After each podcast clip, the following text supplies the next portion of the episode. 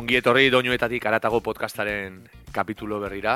E, kostako litzaidake hiri hontan gaurkoan gurean daukagun pertsona baino musikazale handiago bat e, topatzea eta horregatik aukeratu dut inigo goni laguna handia. Egun hon inigo? Egun hon. Eta eskerrik asko gonbida, e, gonbidapena onartzagatik. Ah, zuri. bai, plazerra gurea. Dakizu bezala doinuetatik aratago podcastean, ba, gonbidatuen lau abesti kutxun e, ezagutzea da helburu, pixka eta astero, ba, ez dakit, talde berriak deskubritu eta abestitzar berriak e, barneratzeko. Asteko beti botatzen den galdera inigo, zein da zure mm, harremana musikarekin edo nola definituko zenuke musikarekin daukazun harremana? Jo, ba, ez dakit. Egia esan txikitatikan kriston pasioa, e, bioina jotzen duen txikitan, gero bateria jotzen dut, eta esaten den bezala ba gian melomanoa naiz, ez? Bai betiko musika eta gero ere bai azken tendentziaren ba e, hor nago beti gauzak bilatzen, musika berria bilatzen eta pues produkzio berriak bilatzen eta melodia polillak bai e, bilatzen. Bai, horregatik esan dut, e, inigo izango litzake denok daukagu balagun bat beti abesti berriak bidaltzen dizkiguna, ba, nire kasuan e, zu izango zeinak horietako bat, eta gira da, ba, aukazula olako radar e, epiko bat, e, ba, pixkat azken, e, azken nobedade eta musikak nola beti ukitzen ditun aldaketa asko ez, generoetan eta horrela, ba, esango nukezu beti zaudela hor pendiente e, soinu berriak nundik arakatu. Asingo, gara, lehengo kantu kutxuna ekarri nahi izan diguzuna zein izan da, eta aipatu diguzu zer gaitik e, ekarri nahi izan diguzun. Bueno, ba, e, aurkeztuko izuete Webal, e, o Weeble izeneko e, talde bat. E, bi produktore, Amsterdamekoak, eta e, bere garaian Alejo Griseko sinteak e, aurkeztu edo, bueno, deskuritu zian, talde bat da, eta ba hori xe, e, zer egite dute, ba, zakite, jazz, e, trip hop, e, elektronikako kantak egiten dituzte, eta forever kanta hau, ba, izango ditzake pixkate gehiago, niri goratzen dago pixkate Radiohead, eta Radiohead jausete hau bat bezala, e, eta hori.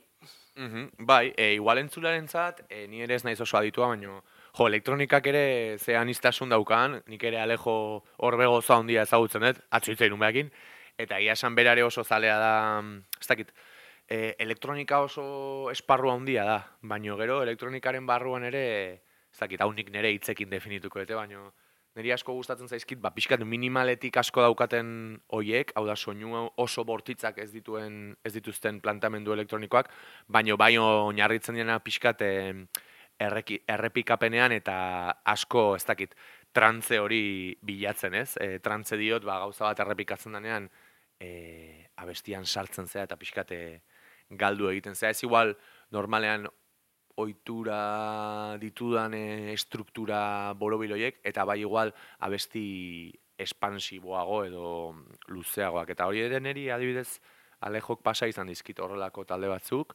igual e, definitzen ari nahi zena RXY izango zen, engurtean deskubritu nuena. E, ez dakit e, uibal hauek antzekoak izango diren, nik ez ditut ezagutzen, baina ziur, alejo komendatu bali maizu eukiko duela e, berezia den zerbait. Eta entzule, ba, eazuk uibal ezagutzen zenuen, eta ala ezpada, ba, ziurrenik e, gustatuko zaizuela. Inigo goniren lehen kantu kutsuna. Uibalen, izena nola zen? Forever. Forever.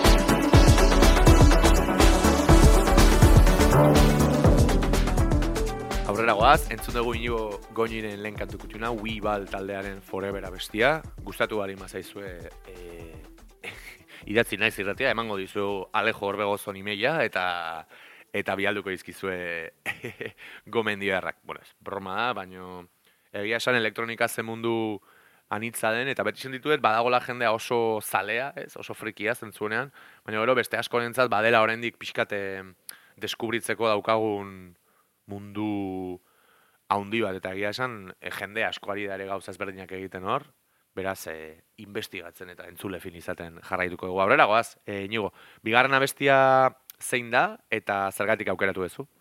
Ba, Domi, Domi and Gidi Beck, e, Take a Chance e, kantua, e, kanta haue Anderson Pack e, abeslarekin e, fiaturina.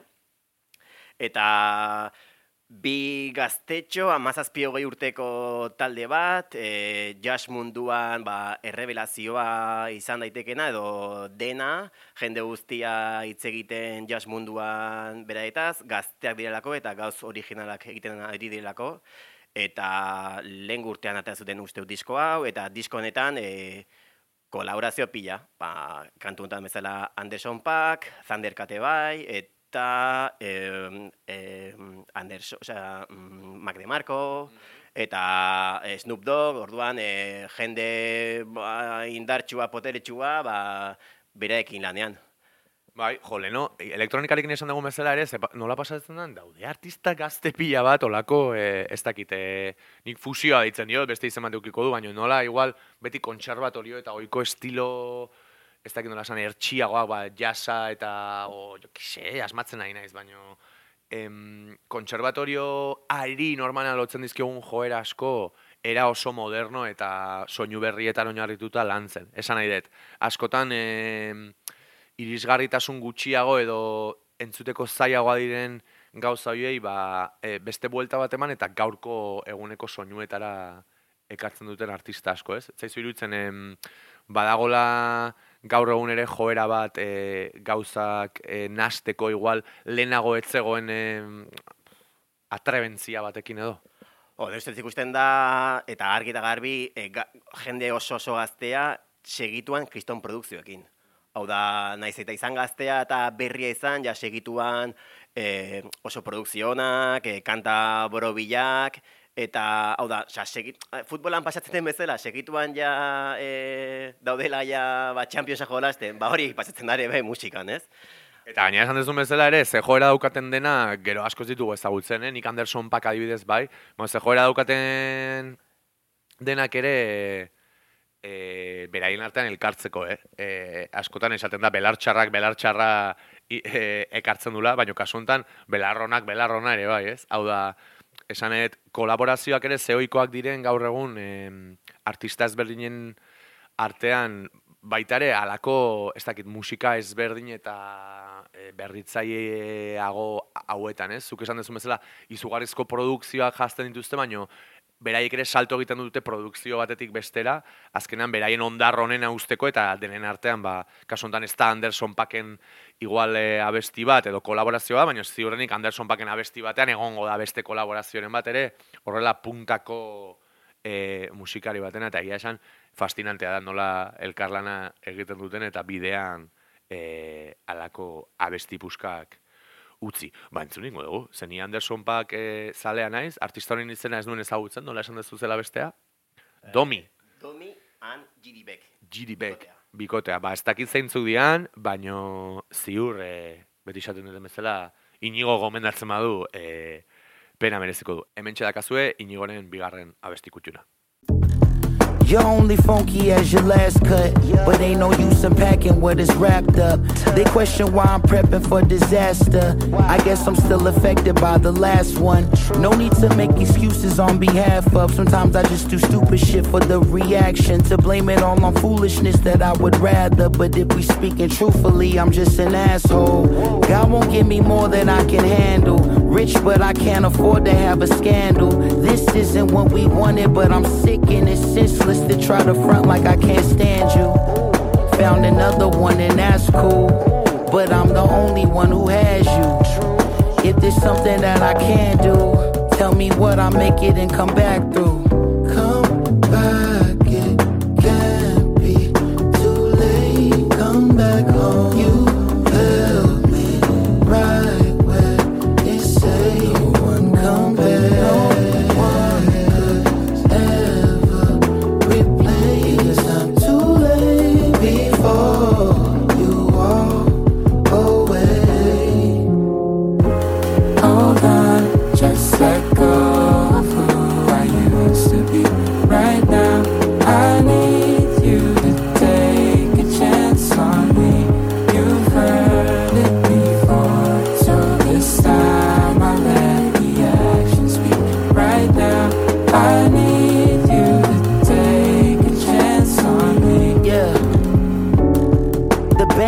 for the breakthrough. The nights I entertain women were a waste. For the sake of getting laid, eyes wide awake, mind in the maze, trying to find a new escape route. You never ran out of patience, so I turned around, man enough to face it. Even though I changed, it's the same location. When you come home, I'll be waiting. Come back.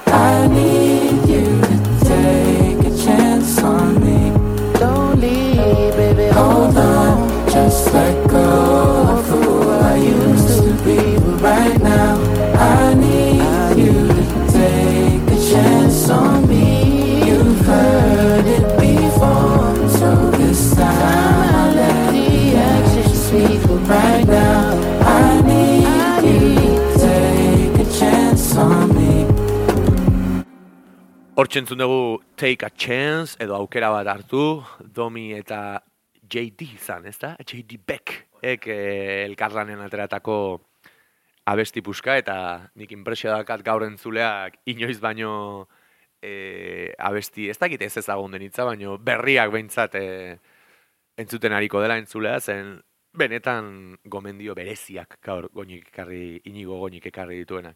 E, aurrera goaz, irugarren kantu kutxuna zein da inigo?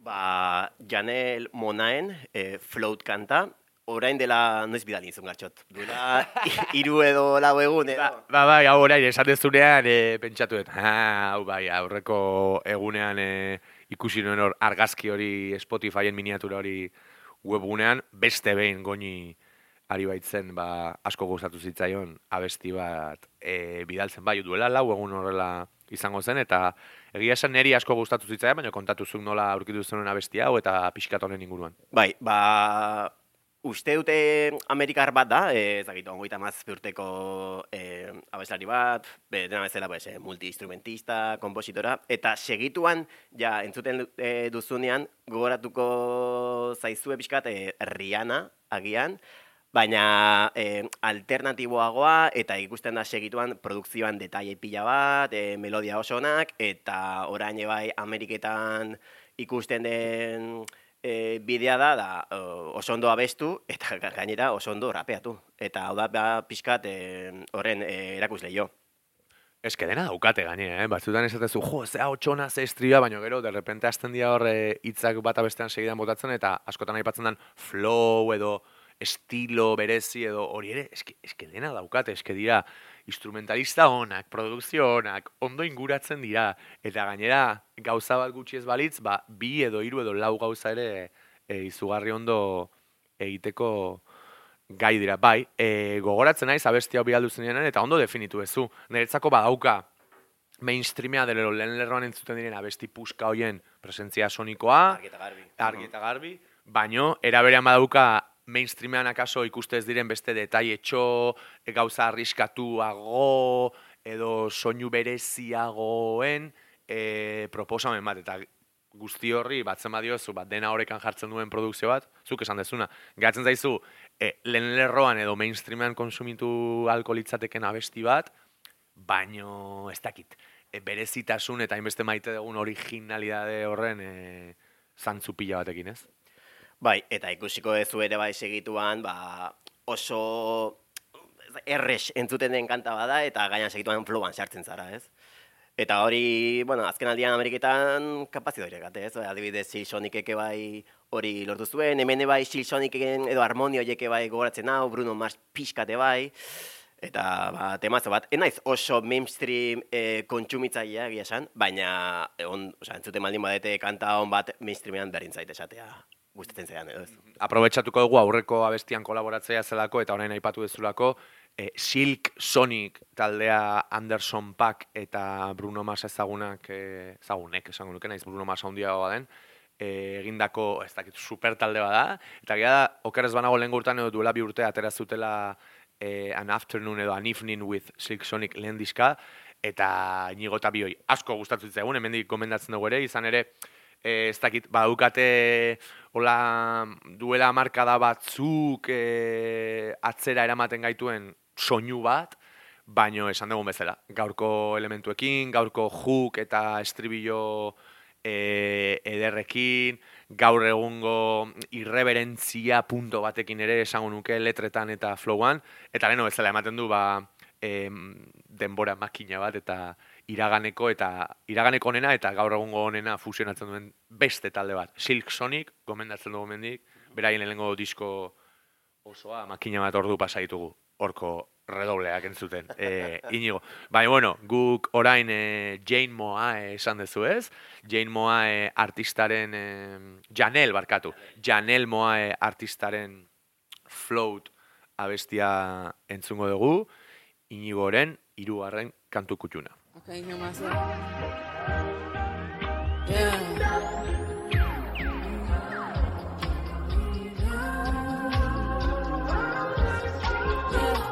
No, I'm not. no I'm not the same.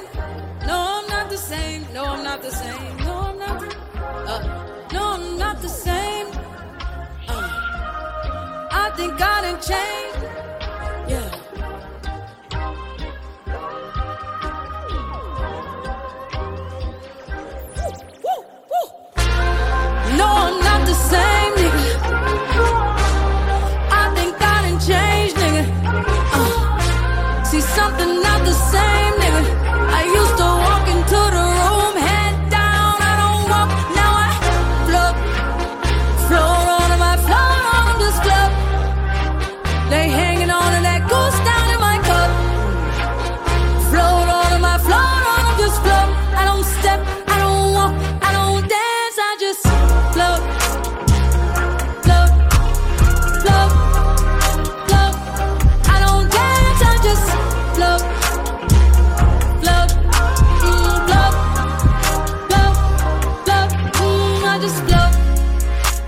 A feather, I'm light as a feather, yeah, baby, I float.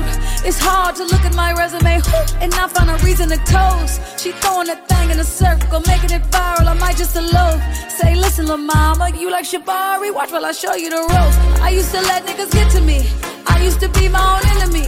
Now I done had several epiphanies, over some breakfast at Tiffany's. Had to forgive all my frenemies. Are not who they pretend to be. I had to protect all my energy. I'm feeling much lighter now. I float, float on my float on this club. They hanging on to that goose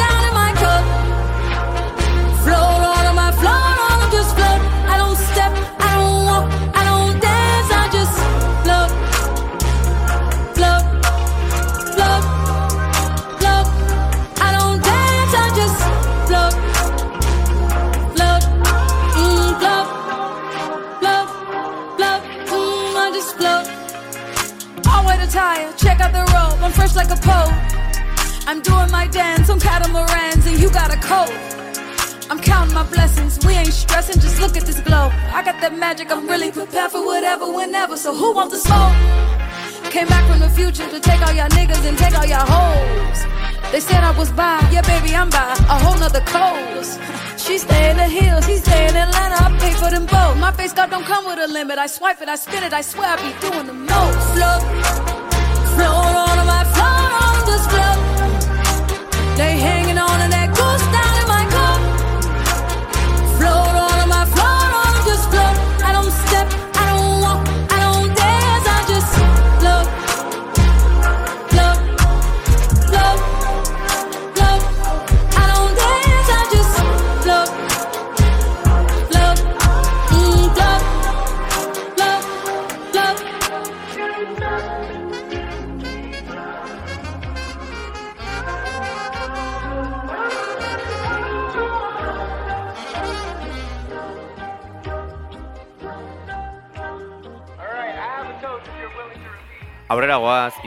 eta azken kantu kutxuna eskatuko dizut, ba, gaurko programa eder eta aberasgarri hau borobiltzeko.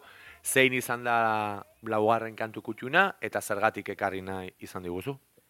Ba, a ber, adet batetik kan. Eh, en naiz oso eh, elektronika mainstream edo EDM izeneko ba, oso zalea. Ez dakinarentzat barkatu, EDMek esan nahi du Electronic Dance Music. E, dantzagarria den musika elektronikoa, esango nuke.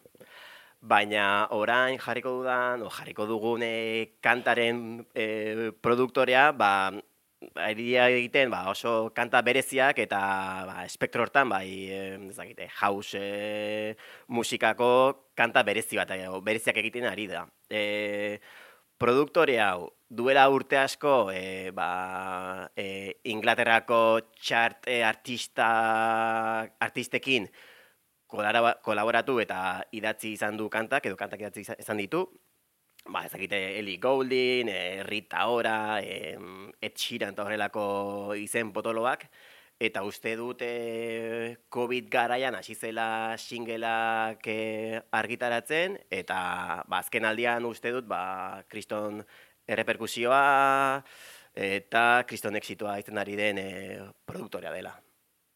E, izena ez dugu esan. Izena Fred Again. Fred Again, izena ere kuriosoa Fred izena aukiko du berak, suposatzen dut, eta Again berriz esan nahi du, Fred berriz. E, bai, jo, atzo komentatu genuen justo ez, e, niri ere atera zait hor bait egunero ikusten ditugun sare sozial eta informazio iturrietan izen hau, eta okerez banago, zakit azken urtean, eh? baina naiz eta tipo ezaguna izan, egin du aurrera pauso bat azken e, urtean, e, lehen lerroratze hortan, ez mainstreamean, eta naiz eta esan dezun bezala kolaborazio asko egin, ba orain ari da pixkat bere izena e, gehiago ustiatzen, ez? Eta lehen lerroa jartzen bere sorkuntzak. Atzo komentatu zenean ez, gainera, asko egiten du e, beraren produkzioetan abiatzen da lagunen e, audio edo nola esan zenean. E, Bai, e, uste dut e, pandemia garain hasi zenean kantak egiten, ba, ba ez pandemian, ba, WhatsAppan asko eratzen genuen, eta bidatzen zizkioten e, lagunak edo ezagunak e, e, audioak. Eta audio, audioiek sartu ditu, sartu ditu edo intro bezala edo kantan erdian edo e, kantaren parte bezala. Eta hori da, ba, pixkat, e, desberdina ere, bai. Baina ikusten da, kriston e, kriston kreatibitatea dakan pertsona dela eta oso elegante ginen. Naiz eta, ba, mainstream mundura jo, baina oso oso e, ondo egindako kantak direla. ikusi nun bideo batean ere, deigarria zitzaidan, e, uste dut badaukala nahiko habilidade padarekin. Esan nahi dut, e, elektronikan gauz asko, ez dakinaren ba, badagor diferentzia txiki bat, ba, etxean gauzak egin eta gero nasten du nasten dituztenak e, live edo zuzenean, baina gero ere jende askok egiten du e, alako pad ezberdinekin eta botoi ezberdinekin e, zuzenean e, joko hori eta ikusi nun bideoren bat, Fred hau alako ez dakit amasei botoieko pad batean eta behatzekin e, izugarrizko habilidadea erakusten ez dela ere beti ematen elektronika sortzen duten guztiak etxean, ez dira gero igual zuzenean e, ainabiak, edo bai, eh, esan edo, baina ez di joaztela bi elementuak eskutik helduta, eta deigarria egin zitzaidan bere kasuan ikusten zela e, zuzenean izugarrizko e, jarrera ukitzeaz gain, ba, izugarrizko gaitasuna ere bazuela egurrean e, aritzeko. Berez uste dut bera, bera e, hasieran idazle kompositzaia zen, bai pope munduan, baina uste jotzen duela instrumentu guztiak. E, bateria, gitarra, sintea, dena. Orduan, hor ikusten da, gero ere bai, ze habilidadea dakan, gero orain, ba, pintxatzen dunean, ba, ikusi, ba, ingo ditu lifeak eta horrela, eta orduan, ba, kriston kapazitatea, bai, patakin e, jolasteko, edo sintiakin, eta segurazki kantatu ere kantatzen du, eta, ba, ba, karak bat, ez? Bueno, ba, beti izaten duguna, ez dakit zeatik kanpokoak beti ematen dute diala gu baino hobeagoak, hemen dana dia multi-instrumentalista, e, produktore, e, abeslari eta dantzari fin esango dugu ziurrenik e, ingalaterran edo estatututan jaio izan bagina inigo hemen parean daukagun balda hori gramiz beteta egongo litzakela akaso. Agian.